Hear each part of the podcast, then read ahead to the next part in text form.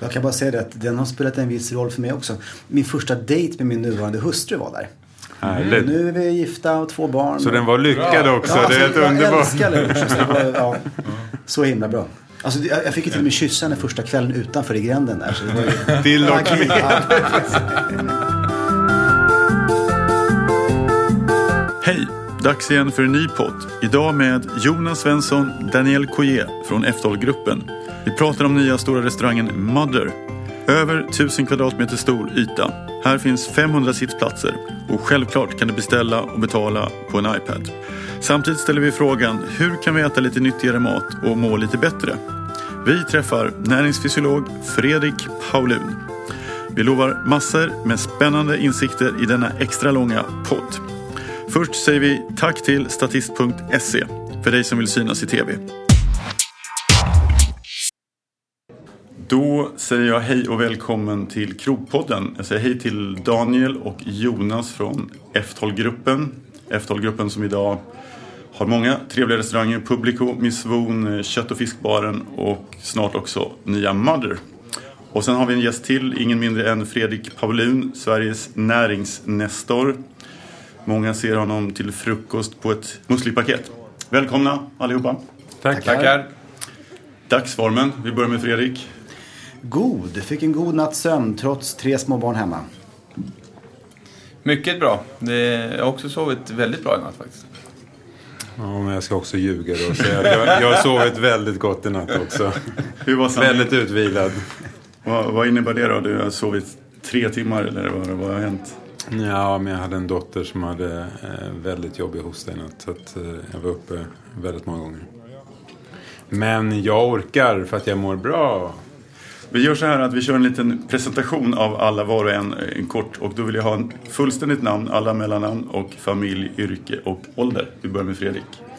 Anders Fredrik Paulun heter jag. Eh, jag är nutritionist. Jag har alltså en akademisk bakgrund. En filosofie magister i näringslära.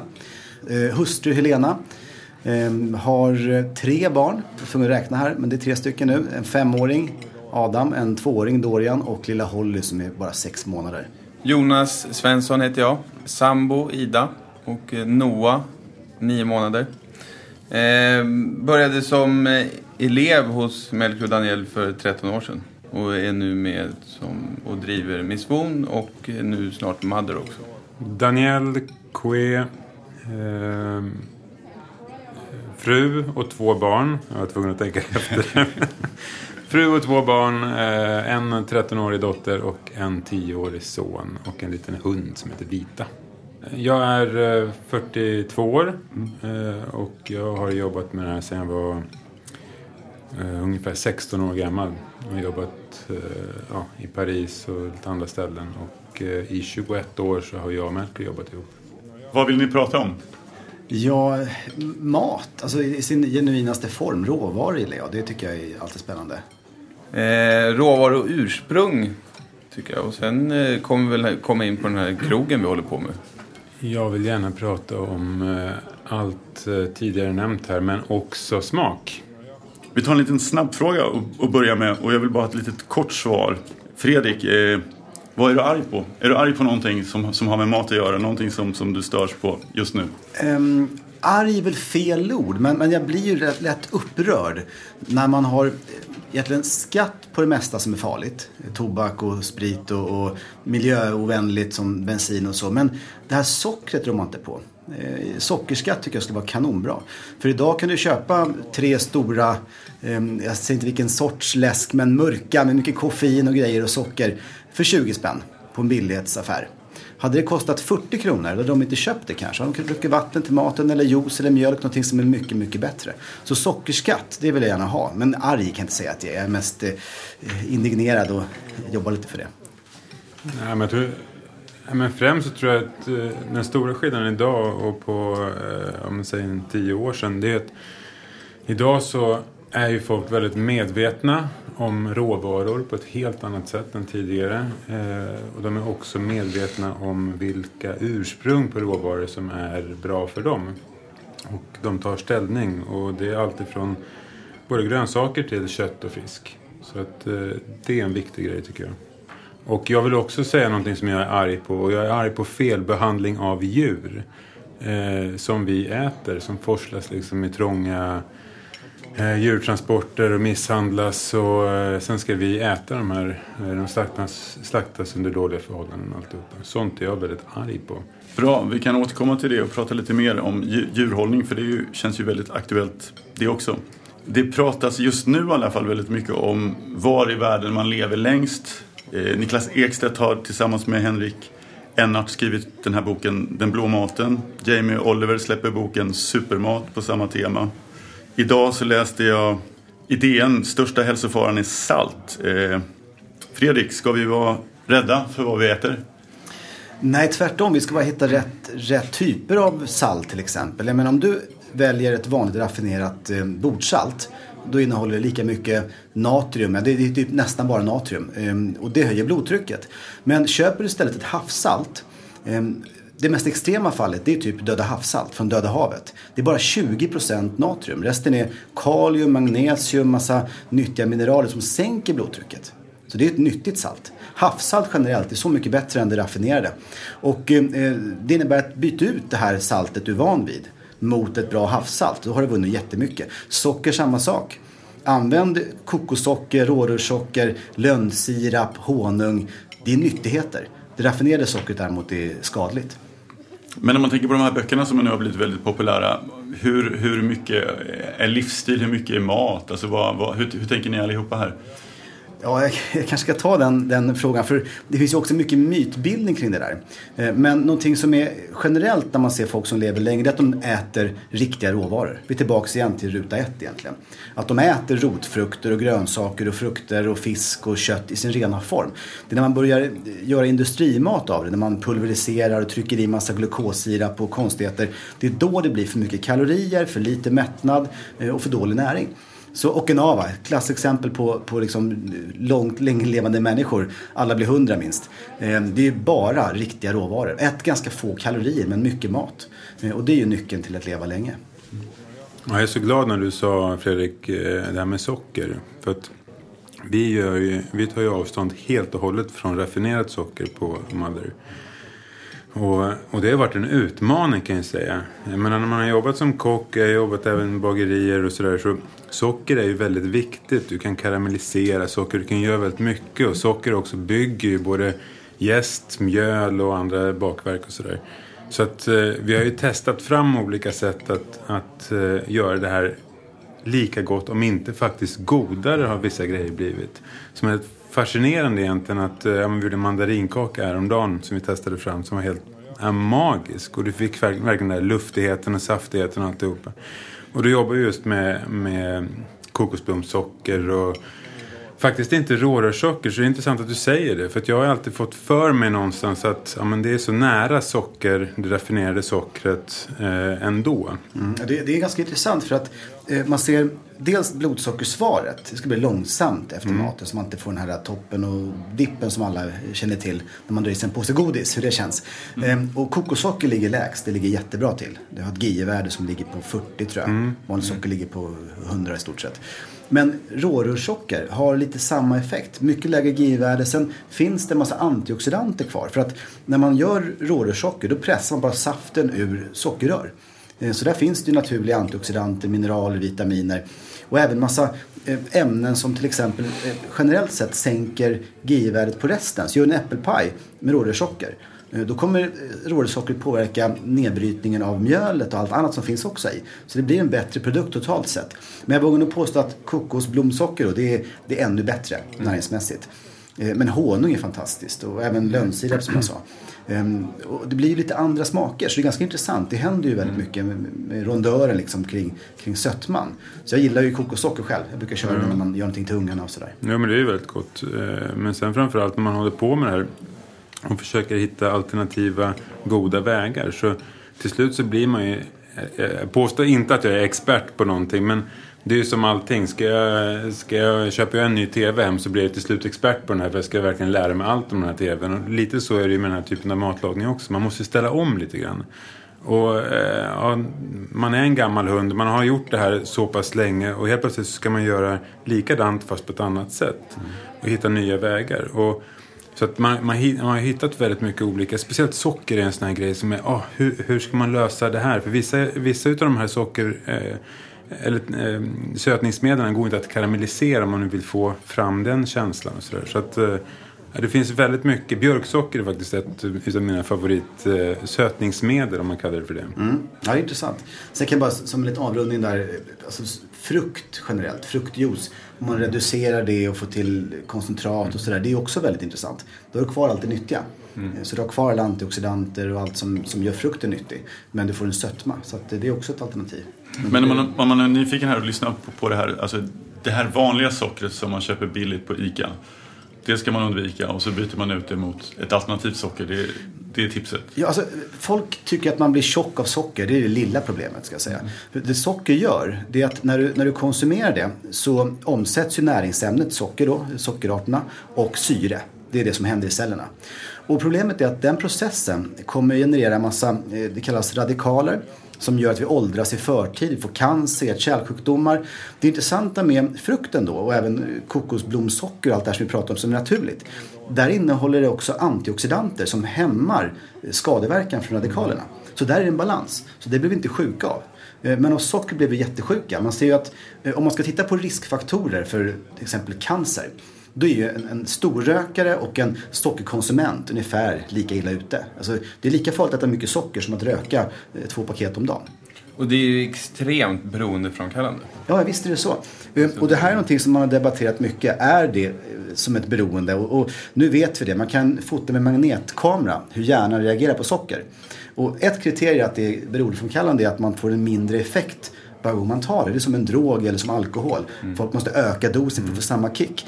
Och det ser man nu. Att socker mm. lyser upp hjärnan jättemycket första gången man tar det. Man är en van sockerätare. Dagen därpå blir det lite mindre och lite mindre och lite mindre. Så till slut måste man få i sig 300 gram för att få den här kicken. Eh, så det är verkligen ett problem. Det finns ju en bild på två hjärnor som den ena äter socker och den andra tar droger.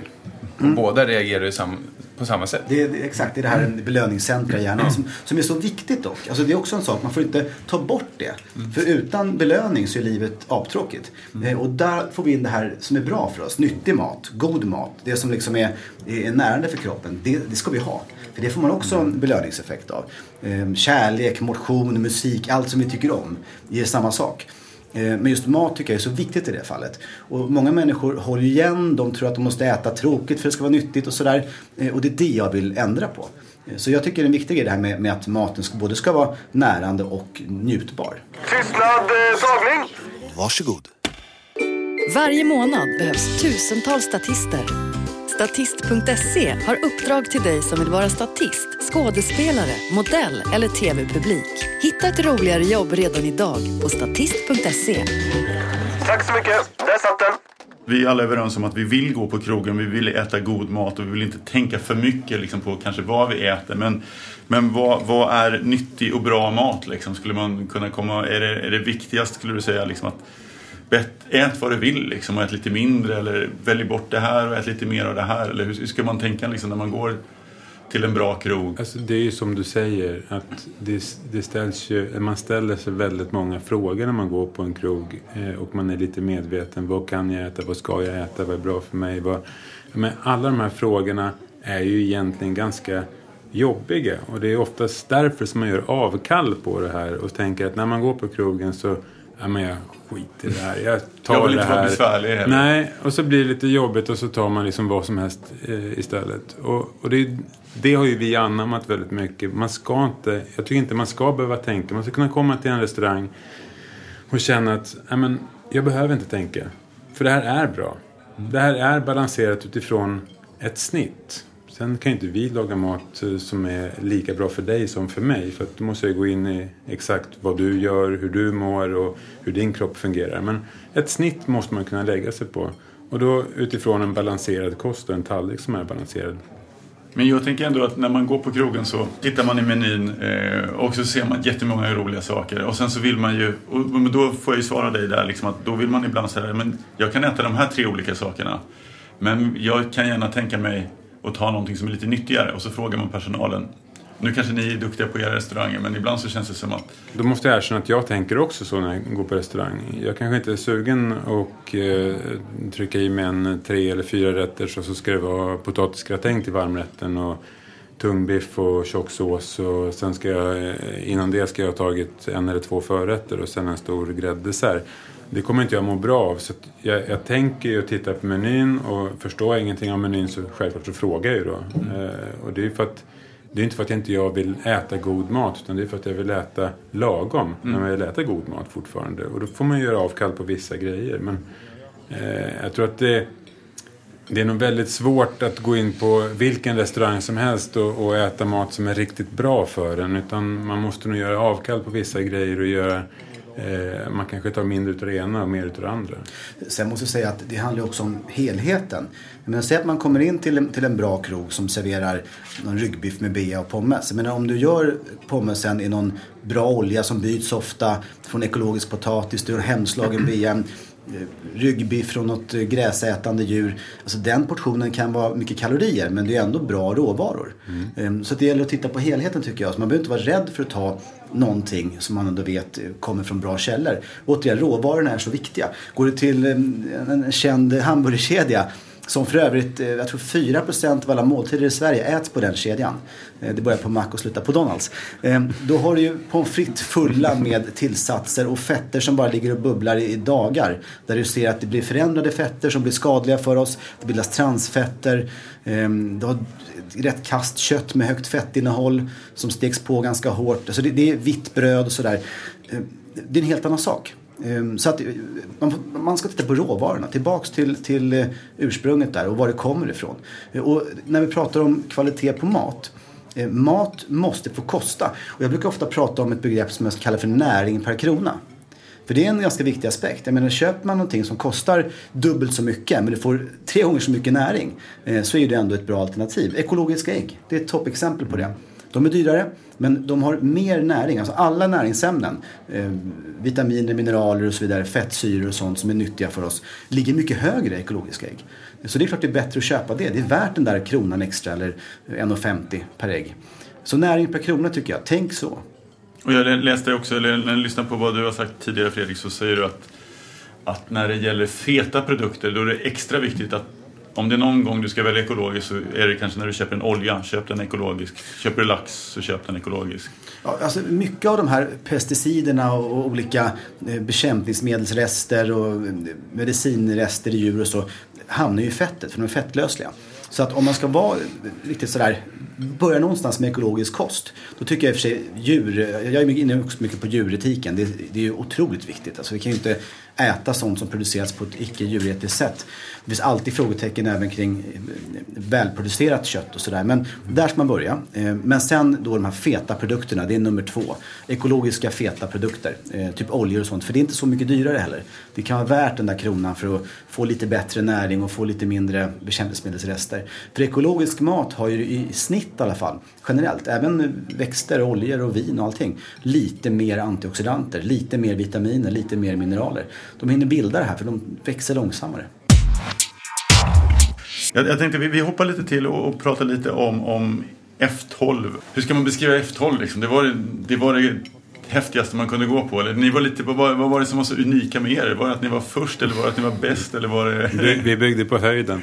Det var nytt. Nej, men jag, jag, jag tror att... Eh, jag tror att Fredsgatan... 94 öppnade vi Fredsgatan. Och jag tror att det som eh, gjorde eh, skillnaden på Fredsgatan eh, jämfört med andra krogar då var väl att eh, vi var väldigt influerade utav USA främst. Och även Mexiko och, de smakbilderna som finns där med mycket eh, hetta, mycket syra glad mat, färgglad mat. Det smakade väldigt mycket. Eh, och vi pratar alltid om eh, det skulle explodera i munnen. Det skulle vara ja, men mycket smak i munnen. Var, varje tugga skulle bara pang skulle jag säga. Det skulle vara mycket, om det var chili eller vad det nu än var som var huvudsmaken i det så skulle det smaka väldigt mycket. Eh, det var väl starten på Fredsgatan. Sen så, eh, vad var det, 97, tre år senare, eh, eller om det var, ja 97 tror jag, så fick vi en stjärna i Guide Michelin. Eh, och från början så var ju Fredsgatan, det var träbord, det var ja, enkla pinnstolar och väldigt litet. Det var ett litet rum bara. Efter Stjärnan helt plötsligt så fick vi möjlighet att ta ytterligare ett rum i anslutning som var ett galleri tidigare i Konstakademin. Och eh, med Stjärnan så kände vi oj nu måste vi, nu har vi fått Stjärnan, nu måste vi bli fina. Så då blev det duk på borden och vi byggde om och gjorde tjusigt och snyggt. Och, och den Stjärnan höll vi i, eh, hela vägen fram till, till 2014 då när vi la ner Fredsgatan. Men varför la ni ner? Eh, nu, Tröttnade ni eh, eller? Då? Nej, ja, vi, vi la ner för att eh, den krogen har vi byggt om i vad kan det vara, 12-13 gånger har vi byggt om hela restaurangen och eh, förnyat både eh, inredning och mat. Och eh, när man gör det under 20 års tid så jag kom väl dit att Fredsgatan var en stjärnkrog. Självklart så siktar vi på två stjärnor som alla enstjärniga krogar gör. Och, eh, jag ville förändra och hade väl en vision av vad, vad Fredsgatan skulle kunna bli. Men när man har utvecklat en restaurang och en lokal så pass mycket som vi har gjort. Till slut så finns det ju, de här väggarna står ju kvar där de är. Man kan inte flytta ett hus liksom. Man kan inte flytta allting mer än vad vi har gjort egentligen. Så att eh, vi började diskutera jag och Melker vad man kunde göra. Och från början så var det liksom att ja, men vi river ner alltihopa. Vi målar om, vi fixar lite nytt. Tänker lite nya möbler. Eh, möblerar om lite grann. Men i slutändan så när man börjar eh, tänka sådana idéer så blev det, när man drar ner allt det här, liksom, vad blir det av det? Jo, det blir samma restaurang fast med ny färg. Och det kanske inte var riktigt det som var målet i det här. Utan målet var ju att, att skapa en ny tid för Fredsgatan. Vi hade drivit Fredsgatan i 20 år. Och skulle man göra det här i 20 år till så vill man göra det i en helt ny era. Liksom. Och det skulle kännas helt nytt också. Och då kommer de här idéerna. Och ju mer idéer vi har när vi bollar idéer så vart det ju att de blev järvare och järvare. Till slut så kom en idé, men kan vi inte flytta Fredsgatan 12 då? Eh, och då, den fastnade liksom och var ganska intressant ett långt tag. Att vi skulle flytta Fredsgatan. Och den, den idén och tanken är ju inte helt bortblåst än utan den finns nog kvar. Men lokalen hade vi ju kvar. Därför blev det Publico. För det var ju också en, någonstans en liten dröm som vi har haft. För att mexikansk och peruansk mat som är väldigt mycket influerade på Publico idag, där Fredsgatan låg, är ju väldigt näringsrik och väldigt bra mat. Det är ju det är från Peru som vi får alla de här härliga fröerna och nötterna och eh, den här lighta, till, ja, lighta tillagningen. Eh, och ceviches och den typen av matlagning har vi ju haft ända sedan 94 egentligen på Fredsgatan. Och nu fick vi göra det fullt ut. Så på så sätt så var det väldigt roligt att kunna öppna Public och göra, det, göra den maten som vi egentligen, har gjort i 20 års tid, fast renodlat. Vilka krogar liksom på resans gång har satt större avtryck och liksom, hur skulle du säga tiden från F12 till, till idag? Är, vi, vi pratar ju 20 år. Ja, det har varit en lång resa. Eh, Smak har varit med länge. ja, smak har varit med länge. Ja, men, eh, det var ett vemod när Fredsgatan la ner, så det kan jag ju villigt säga. Och det var bara ett år sedan. Och det var bara ett år sedan. Men, men eh, jag har aldrig känt som glädje som när Publico öppnade. Eh, för det var verkligen en glad restaurang. Och det var det man behövde. Man behövde någonting helt nytt. Och eh, det fanns en glädje som Eh, både bland gäster och hos mig framförallt. Och med ett fantastiskt kök fyllt utav tjejer som jag aldrig har varit med om. Det var, vi har är det, 11 tjejer och en kille i köket på Publico. Vilket är exceptionellt kan jag säga. Eh, och jag har aldrig jobbat med så många tjejer i köket. Och det är magiskt att komma ner dit till den här underbara stämningen. Det är, bara, det är glädje hela tiden. Så det var, det var ett stort eh, avtryck för mig eh, under de här 20 åren. Sen så har vi ju drivit väldigt många olika typer av krogar och, och den, en av dem som har varit väldigt varmt om hjärtat det var ju Le Rouge eh, i Gamla stan, då, med Le Bar. Eh, som var fransk och eftersom jag är halvfransk så, så var det där var ju också väldigt stor lycka att stå i det där köket med den här enorma gasspisen och Jag kan bara säga det att den har spelat en viss roll för mig också. Min första dejt med min nuvarande hustru var där. Härligt. Nu är vi gifta och två barn. Så den var lyckad också, Ja, det är helt alltså, jag underbart. älskar Le Rouge, så det var, ja, Så himla bra. Alltså, det- jag fick ju till och med kyssa henne första kvällen utanför i gränden där. Så det var ju... Till och Ja, då var bra. det lycket. Ja, men det roliga med den där krogen var faktiskt att varken jag, alltså jag Melker var nere i den restaurangen eh, när den var helt stängd. Och vi satt där nere på två stolar. Allting var upp och ner och det var damm och smuts överallt. Och så att vi, vad kan vi göra här? Och så kom det, men vi gör en fransk härlig mustig eh, krog med massa draperier och men lite som Moulin Rouge. Varken han eller jag hade varit på Moulin Rouge. Vi eh, hittade en eh, duktig arkitekt som hjälpte oss att visionera eller, eller realisera vår vision. Eh, och det blev Le Rouge som var fyra kilometer tyg. Och allting var rött. Eh, och det var sammet och det var härligt varmt och mjukt och alltihopa. Eh, och efter ett år kände jag att jag måste åka till Moulin Rouge för jag vill ju se Alltså det äkta. För att vi hade ju bara skapat någonting som hade funnits i hundra år. Så jag tänkte jag vill, jag vill åka till den här Moulin Rouge. Så jag åkte dit och vart så besviken. För det var, det var ju inte alls så som jag hade förväntat mig. Utan den bilden som jag hade av Moulin Rouge, det var ju Le Rouge som vi har gjort. Så att jag var lite besviken utav att det var, det var väldigt lite rött på eh, Moulin Rouge. Det man blir nyfiken på är ju hur ni liksom tänker när ni ska skapa en ny krog. Och, och nu pratar vi om den eh, nya Mother som den, som den heter. Berätta, liksom, hur, hur, hur har tankarna gått och hur har ni, hur har ni liksom funderat på Nej, men vi, vi jobbar ju extremt mycket just nu i alla fall med att hitta rätt spår matmässigt. Och eh, något som ska tilltala oss själva framförallt, att liksom verkligen vilja laga den här typen av mat som vi håller på med. Och, och som kommer eh, i slutändan förhoppningsvis tilltala en, mycket folk. Eh, och att det, det ska vara en rolig mat och det ska vara, som vi pratade om innan, det här naturliga Eh, att jobba med djur som har haft en, en bra uppväxt och någonting som vi kan stå för. Eh, så där, och just i det menyskapandet är vi just nu och det, vi är inne i den bubblan nu kan man säga. Ni har ju tänkt lite annorlunda upplägg liksom med matkonceptet som jag förstår det som. Det får inte vara att det är en typ mat utan det ska ju vara god, härlig mat som är njutningsfull och, och som alla tycker är väldigt god. Eh, och då har vi liksom vissa så här kriterier som vi alltid försöker eh, fylla ut då för att kunna hitta den här balansen som vi hela tiden pratar om. Att hitta en balans i en, i en rätt. Eh, och då är det just richness då som är mättnadskänslan.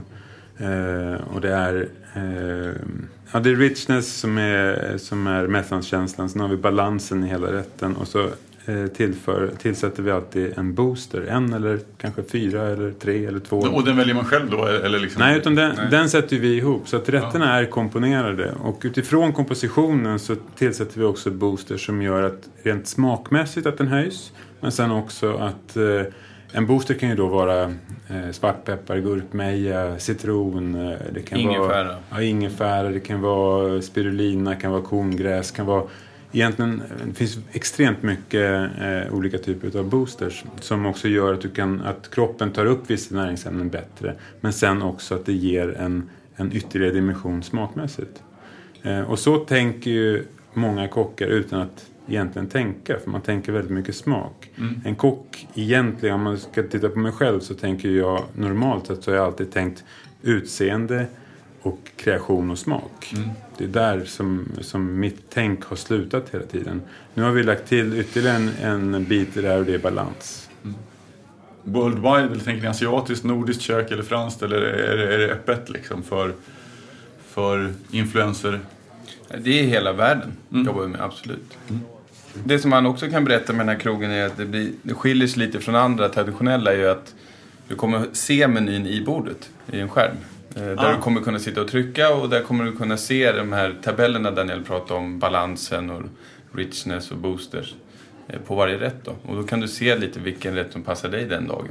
Ja, det, är, det är ett helt nytt eh, sätt också att beställa. Och, och vad vi ville göra med den här restaurangen det är väl att skapa en helt, ett helt nytt tänk eh, och ett helt nytt ätande som ska vara väldigt ja, men casual eating. Det ska inte vara så komplicerat. Eh, och då kan man ju tycka att ska man ha en, en padda i bordet så kanske det låter komplicerat för vissa. Men, men det ska ju vara väldigt enkelt. Man, man bläddrar där bland rätterna, man trycker på den man vill ha. Så skickas den här bången direkt till köket. Och så kommer det en, eh, en personal, servitör, som springer ut med den här rätten till dig. Och vill du betala så trycker du också på en knapp så kommer någon och ser till så att du får göra det på en gång.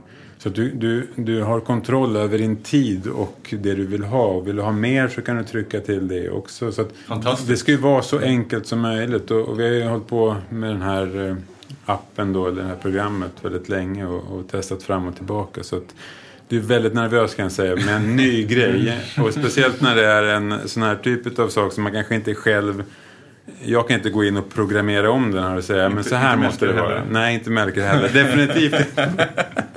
Så att det, man, man är lite nervös över hur det här ska gå. Men eh, vi har duktiga människor omkring oss som säger att eh, det är safe. Nu tänkte jag prata lite om Fredrik, det, hur, hur det hela började. Du är ganska öppen och berättar lite grann om, om när du var, jag vet inte om det var nyfikenheten eller, eller just när, när din mamma eh, blev sjuk i just MS. Precis, hon fick ju det 75. Jag kan säga att då fanns ju inga bromsmediciner eller någonting egentligen. Men jag är född 70 då, så jag var ju bara fem år gammal.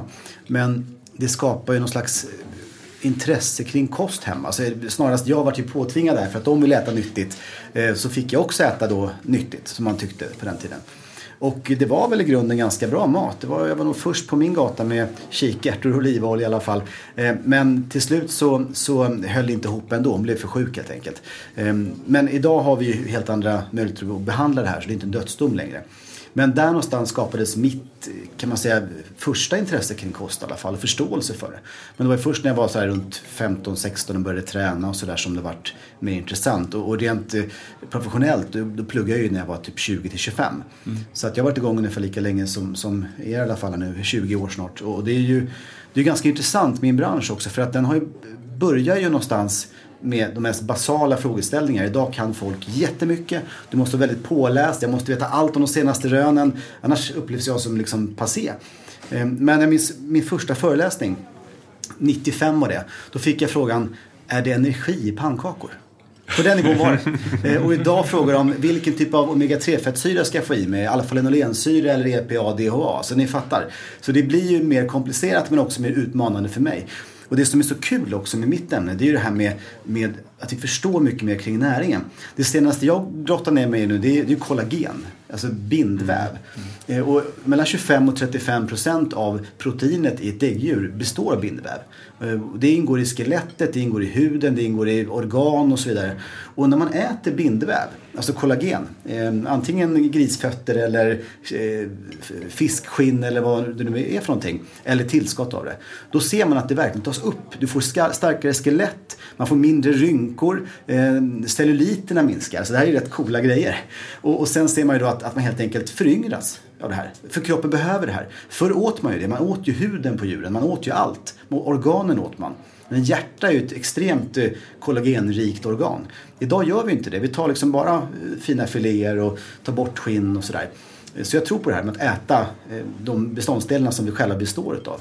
Det, det är en eh, intressant eh, aspekt. Men inte äta oss själva.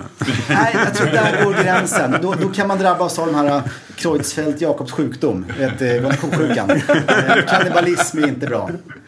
Precis. Nej, men det är ju men det är så. Det använder man ju ofta ja, men i alla buljonger och skyer som man gör. Och, eh, nu sist då så, om man nu ska prata trender då för att hänga med. Så, så just buljonger är ju väldigt trendigt och just märgbens eh, buljonger. Men även just när man, eh, när man kokar lägg. Och fötter då, som du var inne på också så innehåller ju väldigt mycket det som vi upplever som limmighet. Liksom. Och det är det du vill ha. Och i Japan finns det restauranger bara med kollagenmenyer. För att just uppnå det här. Det är ju jättecoolt. Men de kallar det för det också? Ja, det, det får liksom föryngra Ja, sig. också. Skönhetsmat. Eh, och det finns ju även i typ eh, jellyfish. Ja. Typ, vad heter det? Maneter. Ja, men- Maneter, ja. Och även bläckfisk har det mycket och sådär. Så det finns ju även i fiskben. Man ska helst äta fiskben. Eh, för där finns det jättemycket. Det är lite Vi- komiskt här att, att just koka buljonger och fonder och så här på djurben är även bra för dina egna leder. Exakt, det har man ju sett också. Det är ju samma mekanismer. Det är, de, det är det här kollagenet som då byggs upp till nytt ledbrosk. Så att vi är vad vi äter verkligen. Och det tycker jag är en intressant insikt. Och det är också någonting jag verkligen eh, har fått insikt i när det gäller det här med, med djurens föda och så, vad de äter. Eh, Det finns ju studier från Australien eh, där man jämför effekten på hjärta och kärl när man äter en riktig sån eh, marmorerad entrecote från tamboskap. Eller känguru. Eh, och då ser man att kängurun, där händer ingenting med inflammationer och dåliga saker när vi äter. Men den här eh, med mycket mättat fett, den här marmorerade entrecôten, då bara sticker inflammatoriska processerna igång i kroppen och det ökar risken för hjärtsjukdomar. Och då kan man ju tänka till, om du låter djuret leva som det borde göra eh, Om det är en ko då, gå, gå och beta och vara ute och få solljus och äta grönt gräs. Då blir ju köttet bättre. Vilt, som du pratade om, som ni, ni kanske fortfarande har på menyn en hel del. Det är ju mycket bättre. Det är, det är magrare kött, det innehåller antioxidanter och mycket mer näring. Så jag tror mycket på det. Ehm, Och jag är också lite insnöad på det här med just det grass-fed. Eh, Att, att, det, att få äta grönt gräs året runt djuret. Och det är svårt för oss uppe i, i Sverige att producera det. Men eh, om man nu kan importera kanske vissa saker då. Både kött och mejeriprodukter från grass-fed. det där är jätteintressant det du säger. För att eh, i Sverige så tror jag att väldigt många i alla fall är väldigt fokuserade kring det ekologiska och det svenska svenskproducerade köttet. Eh, men det finns ju faktiskt vissa grejer som gör att annat kött faktiskt är ibland i vissa fall bättre. Och det är som du säger, ett djur eh, eller en kyckling som får gå ute året om måste ju någonstans vara bättre än ett djur som får ut, vara ute tre månader om året. Sen så förs det in i en lada eller i en hönsgård. Och få äta massa kraftfoder Ja. som gör att de bildar massa kroppsegna fetter som är dåliga för oss och så. Visst Men, det så? men däremot så kan det fortfarande vara ekologiskt. Exakt. Men jag tror att just skillnaden är att, att vi, det, är en, det är en kunskap som man kanske inte besitter alla gånger. Eller just man tänker att ja, men det är så lätt att tänka men ekologiskt är alltid bra. Eh, men det finns, ju, det finns ju olika nivåer där också. Det finns ekologisk Coca-Cola kan jag säga. Eh, Så det finns läsk som är ekologisk som fortfarande är lika giftig för dig. Så att det, det, det är inte alltid det är samma sak.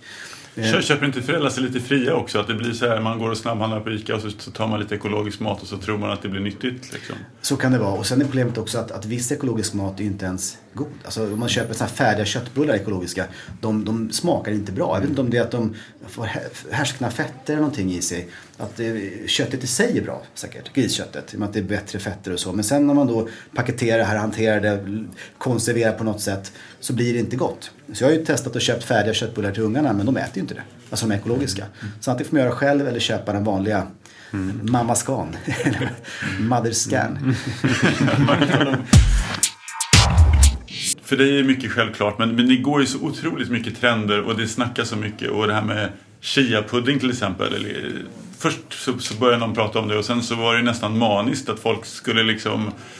Så fort man gick på ett café eller man gick någonstans så, så, så, så var det som att åt jag lite chia-pudding varje dag så ja, då kommer jag ju bli 100 år garanterat. Liksom. Hur, hur filtrerar man all den här informationen som man får emot sig hela tiden? Om, Alltså, man ska...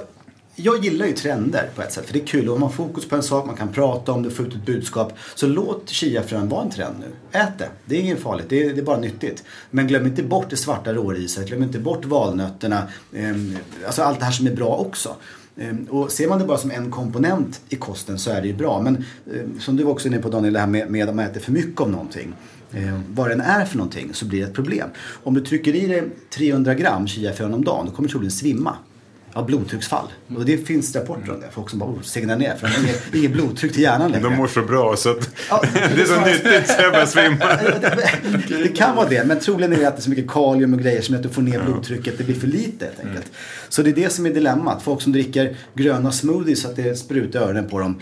De får ju problem med, med levring av blod. Alltså de, de får ju lätt blödande sår och alla möjliga bekymmer. Alkaloider som är naturliga gifter i de här rucolan till exempel. blir man sjuk av till slut. Äter du två kilo eh, vitkål om dagen då får du struma. Så allting kan bli ett gift, det handlar bara om dosen.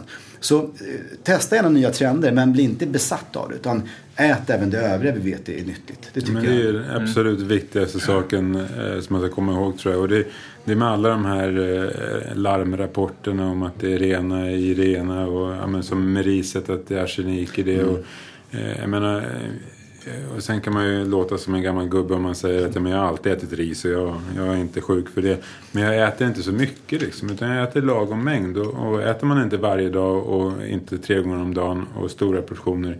Så jag tror inte att det är någon fara. Jag vet inte ens om det är någon fara eftersom det är så små mängder ändå. Men jag tror liksom att hålla en, en blandad kost är nog alltid eh, det som är målet och som man måste eftersträva liksom, oavsett. Jag tänkte prata lite om dig Fredrik. Att du kanske har träffat flera hundratusen människor genom åren på olika föreläsningar. Kan det stämma? Absolut, och det är mina 20 år ute på fältet. Jag har ju föreläst eh, verkligen hela landet. Säkert 13-1400 gånger någonting. Eh, sålt 1,4 miljoner böcker på svenska. Och, så det har nått ut väldigt mycket. Eh, och sen eh, müslin då, då, det, det är ju också en, en liten speciell historia. Men, men jag kan säga att det har blivit en succé. Eh, och det är inte bara müslin utan granola. Grattis. Grattis. Jag, jag, jag har din bild hemma också i skafferiet. Ja. Ja, jag med. Och många säger till mig så här, vi gick väl i skolan tillsammans? Folk som var på krogen eller sådär. Ja, för- Nej, jag sitter på din müsliportal. De sätter ansikte, men jag vet inte var. Det är ganska vanligt. Ja. Vad, vad, vad är den vanligaste frågan du får?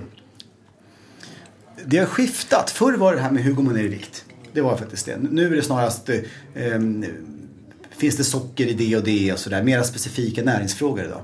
Så att det, det har blivit mycket mer varierat. Sen är det väldigt, alltså folk har väldigt mycket egna uppfattningar som vill få bekräftade. Det här med, visst är det nyttigare med ekologiskt eller visst är det si och så. Um, och det får man ju ibland, ibland får man ju verkligen sålla. Det handlar ibland om, om ganska alternativa grejer. Och jag, jag, jag säger inte att allt alternativt är dåligt men mycket är ju baserat på tro och inte på fakta. Och allt jag påstår har ändå någon slags vetenskapligt fundament. Sen kan jag också ändra mig med tiden och ha fel och sådär, behöva förändra. Men jag hittar inte på någonting i alla fall. Eh, Och det kommer den här blodgruppsdieten till exempel som inte har någon vetenskaplig bäring. Då måste jag förklara det fast människan kanske verkligen tror på det här. Ehm, Så det, det är ibland lite svårt för jag respekterar den här människan som vill veta mer vad jag tycker. Eh, Då gäller det att väva in det på ett fint sätt och inte säga att det där är bara skit. Utan eh, bemöta det bra. Ehm, och det, det brukar gå men inte alltid. Men hur hinner du med liksom, att skriva alla de här böckerna och resa runt och, och göra alla saker? Och så är du ganska ofta utomlands också. Alltså, jag önskar att, att jag vore lika, man säger, hade samma arbetsmoral som ni. Eh, jobbar så mycket som ni gör. Jag gör inte det. För att jag, jag är vad jag kallar för, eller vad som kallas inom psykologin för en HSP, alltså en högkänslig person. Det innebär att jag jobbar 4-5 timmar om dagen, men då jobbar jag jäkligt intensivt. Jag gör det jag gör. Och jag får idéer och är väldigt kreativ. Men sen är jag slut. Jag kan inte jobba mer än så. Så då åker jag till gymmet eller umgås med ungarna och sådär. Så att jag jobbar inte särskilt mycket. Ehm, min, min hustru föreläser hela dagar. 8 till 17. Jag kan inte göra det. Jag kan köra en timme, sen är jag slut. Ehm, och det, det är en svaghet och en styrka. För när jag väl är liksom ledig då, det är då jag faller idéer. Det är då jag kommer på att det här skulle lanseras där. Den produkten måste vi twista om. Och, så att någonstans så gör jag ganska mycket nytta på ganska lite tid. Ehm, och det är jag glad för, för då kan jag umgås med ungarna. Och, en HSP som jag är, eh, måste sova också. Åtta timmar per natt, annars går det inte. Annars blir jag helt... Alltså en timme sömnbrist för mig, det är förödande. Jag måste sova. Ehm, Och med småbarn hemma så är det verkligen en viktig aspekt. Jag måste äta regelbundet. Och det, det, det, jag är en high maintenance person på det viset. Men var femte person är en HSP. Och det är inte alla som vet det och fattar varför de mår dåligt i sin vardag. Eh, Så det är en ganska stor grupp människor. Hur, men hur märker man på det? Det, det är som du säger, att, att, vad, vad är de dragen? Man kan göra så här tester på nätet. Är du en HSB? Precis, exakt. Och eh, det bästa är att när man fattar att man är det, då är det rätt lugnt. Då vet man att jag är inte den typen som gillar att gå in på en fest och mingla. Eh, jag är inte den typen som klarar mig på tre timmars sömn per natt. Jag måste äta regelbundet. Jag är väldigt känslig, jag tar illa vid mig om någon säger någonting och sådär. Eh, och vet man det, då är det rätt lugnt. För säger någon något dumt vet man att det är bara för att jag reagerar så. Jag behöver inte bry mig så mycket. Man kan få distans till det. Och, ehm, just när man pratar om, jag pratade om min fru flera gånger här i rouge-sammanhang och så. Men hon är också HSP. Så vi fattar, vi förstår varandra så bra. Och det innebär att vi också är väldigt synkade och hjälper varandra i vardagen. Ehm, Så att det, det, är en, det är en tillgång när du vet att du är det. Äh, Vet du inte att du är det, då kan det vara jobbigt. För många människor upplever att de är lite så sociala och ehm, har några få riktigt bra vänner men har svårt att komma in kanske på en mingelfest och sådär.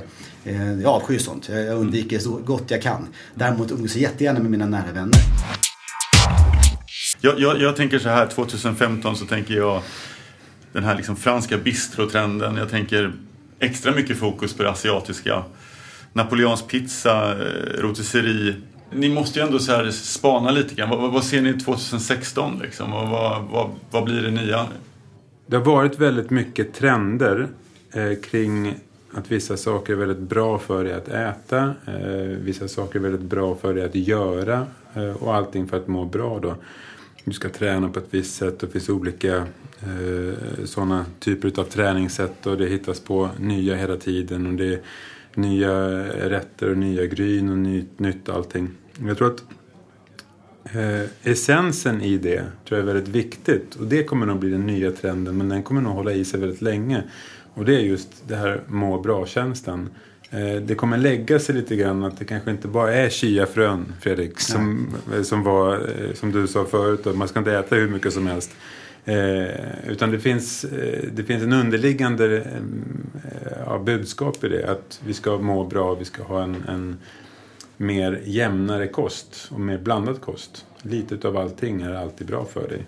Och det handlar också om träning och man behöver inte överträna. Man behöver inte göra allting för mycket. Man behöver inte gå in på alla de här dieterna som heter det ena och det andra. Utan lite av allting. Det tror jag är en, en trend som kommer att hålla i sig och då blir det väl kanske en livsstil med tror jag. Men ser du någon speciell del av världen där maten liksom influeras ifrån?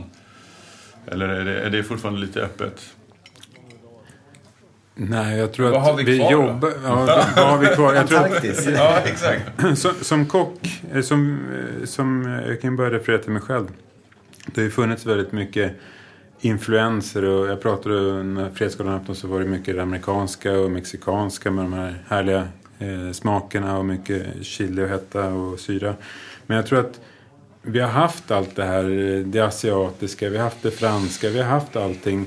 Jag tror att idag så, som kock så söker du efter det naturliga. Du söker efter det, det enkla, fast lyxen i det enkla. Och, och lyx kan ju faktiskt vara en kålrot, det kan vara en blomkål, det kan vara eh, en fläsklägg. Eh, det kan vara ett, eh, en, en detalj på, på ett kött som du i vanliga fall kanske inte förknippar med lyxmat. Det skulle kunna vara en högrev. Eh, alltså det finns, jag tror att vi försöker hitta det renodlade. Det är... Eh, Casual eating pratade vi om i morse. Ja, ja, men det är morgondagens lyx tror jag. Och det är det jag tror att väldigt många kockar eh, söker efter idag. Liksom att hitta den här den enkelheten och göra den väldigt raffinerad. Men hur ser du Jonas på casual eating? Hur, hur ser det ut för dig? Nej, men just den här enkelheten, det rena. Eh, det behöver inte ta så lång tid utan det ska kännas eh, snabbt och rappt och enkelt och inte så mycket knussel. Jag tycker att eh, Jamie Olivers matstil, alltså nu pratar jag om när man ser honom laga mat, är ju väldigt frigörande, väldigt härlig att se. Nu pratar jag inte eh, om just det han gör, de råvarorna han använder, men just det sättet han jobbar är väldigt så här frigjort, enkelt, skönt, inte så konstlat. Det, det, är ju, det vill man ju anamma i en, eh, i en matstil kan jag tycka. Alltså med råvaror. Enkla råvaror, goda råvaror, rena råvaror. Och sen att det känns nylaget. tror jag är en jätteviktig. Vad säger Fredrik? Ja, alltså näringsmässigt tror jag att det kommer väldigt mycket eh, jag slänger en amerikansk term här, det plant-based, alltså växtbaserad mat. Mer och mer. För det ser vi både för djuretikens skull, jag tycker det är en otroligt viktig fråga som vi jag gärna lyfter igen, men också för hälsans skull, ehm, miljöns skull. Det finns många aspekter på det här. Och ehm, ehm, jag är ganska mycket i USA i och med att jag ska lansera produkterna där är tänkt och jag håller på att jobba mycket med det och får mycket inspiration därifrån. Och där kan man ju alltså gå in på en restaurang och få en ost gjord bara på nötter som det är samma bakteriekultur till exempel som man använder till cheddar, då smakar det cheddar. Eller parmesan, då smakar parmesan fast den är gjord på pekannötter eller på eh, macadamianötter. Det är ju rätt coolt. Ehm, och det, jag, jag fattar inte att det, att det kunde vara så gott och smaka så mycket ost och ändå så var det bara nötter och rätt bakterier. Ehm, så det, det finns mycket sånt. Jag vet inte om ni har testat det Vi var där i, i Los Angeles. Men Vilken var ni på? Då var vi på... Var ni på den här raw food eh, stället Santa Monica? Där jag åt den här fantastiska märkliga nötosten. Ja, men det var på ett ställe i Los. Angeles. Eh, Det var ju där nere sen. jo, det var Santa ligger Monica. Santa Monica Mall tror jag Ja, i. nej, inte, vi var... Ja. Jo, ja men, i- ja, men det var eh, Men den, nej, den krogen var stängd. Han skulle flytta. Jaha, okej. Så var det, i målen där. Mm. Ja. Så. Där åt den osten. Men vi åt också, som var så en, cool. Men- vi fick in en hel ostbricka på ett ställe. Med, som bara var gjort på nötmjölk. Och och det här är ju en trend överallt. Jag menar, går man in i en mataffär där så finns det sådana alternativ ofta. Eh, Jag tycker att det är, det är väldigt bra. Eh, Sen får vi se hur långt det kommer i Sverige. För det krävs ju en rätt stor marknad för att få det här att börja snurra. Men, men på krognivå tycker jag, då kan man ju köra det. Jo, nej men, ja, men jag, jag håller med dig fullständigt. Alltså plant eller växtbaserad mat, det tror jag också är i morgondagen mer och mer. Mycket mjölksyra tror jag också på. Ja, Det, det är också något som är bra för hälsan. det laborerar vi väldigt mycket med just nu. Mycket spännande. Man blir så nyfiken. Alltså, de här produkterna, och vi bor i Stockholm. Ska man söka sig, måste man söka sig till en speciell butik för att hitta mycket av det här? Eller hur, när man blir nyfiken på det här som kommer? Alltså, ja, det finns ju många butiker idag. Det finns ju eh, det här Paradiset, det finns ju de här eh, Kajsa Warg och det finns ju jättefina stora butiker. Men när jag handlar själv ute på ICA Maxi i Nacka. Helt vansinnigt bra sortiment. Eh, alltså det måste mycket prylar som man inte ens hittar i andra butiker om man ens reser runt hela jorden. Eh, så det finns ju väldigt mycket bra eh, affärer idag. Har ni något tips på någon ny person som, som ni tycker jag ska podda med nästa gång? Ja, Pratglad. Har du haft eh, Sajan här?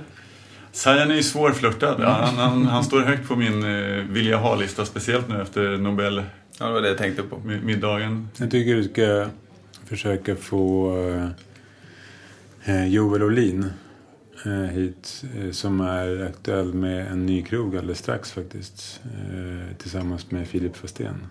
Just det, för Filip, jag, jag, cyklar förbi nämligen på Roslagsgatan där. De är lite hemlighetsfulla av sig och Ja. se om de har öppnat. För att de säger inte till när de öppnar.